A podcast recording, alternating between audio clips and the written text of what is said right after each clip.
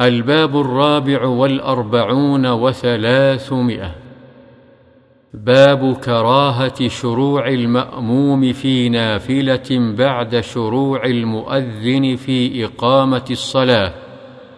سواء كانت النافلة سنة تلك الصلاة أو غيرها.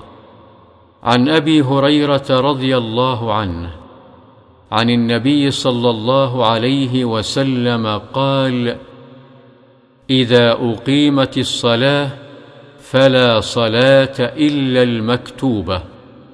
رواه مسلم.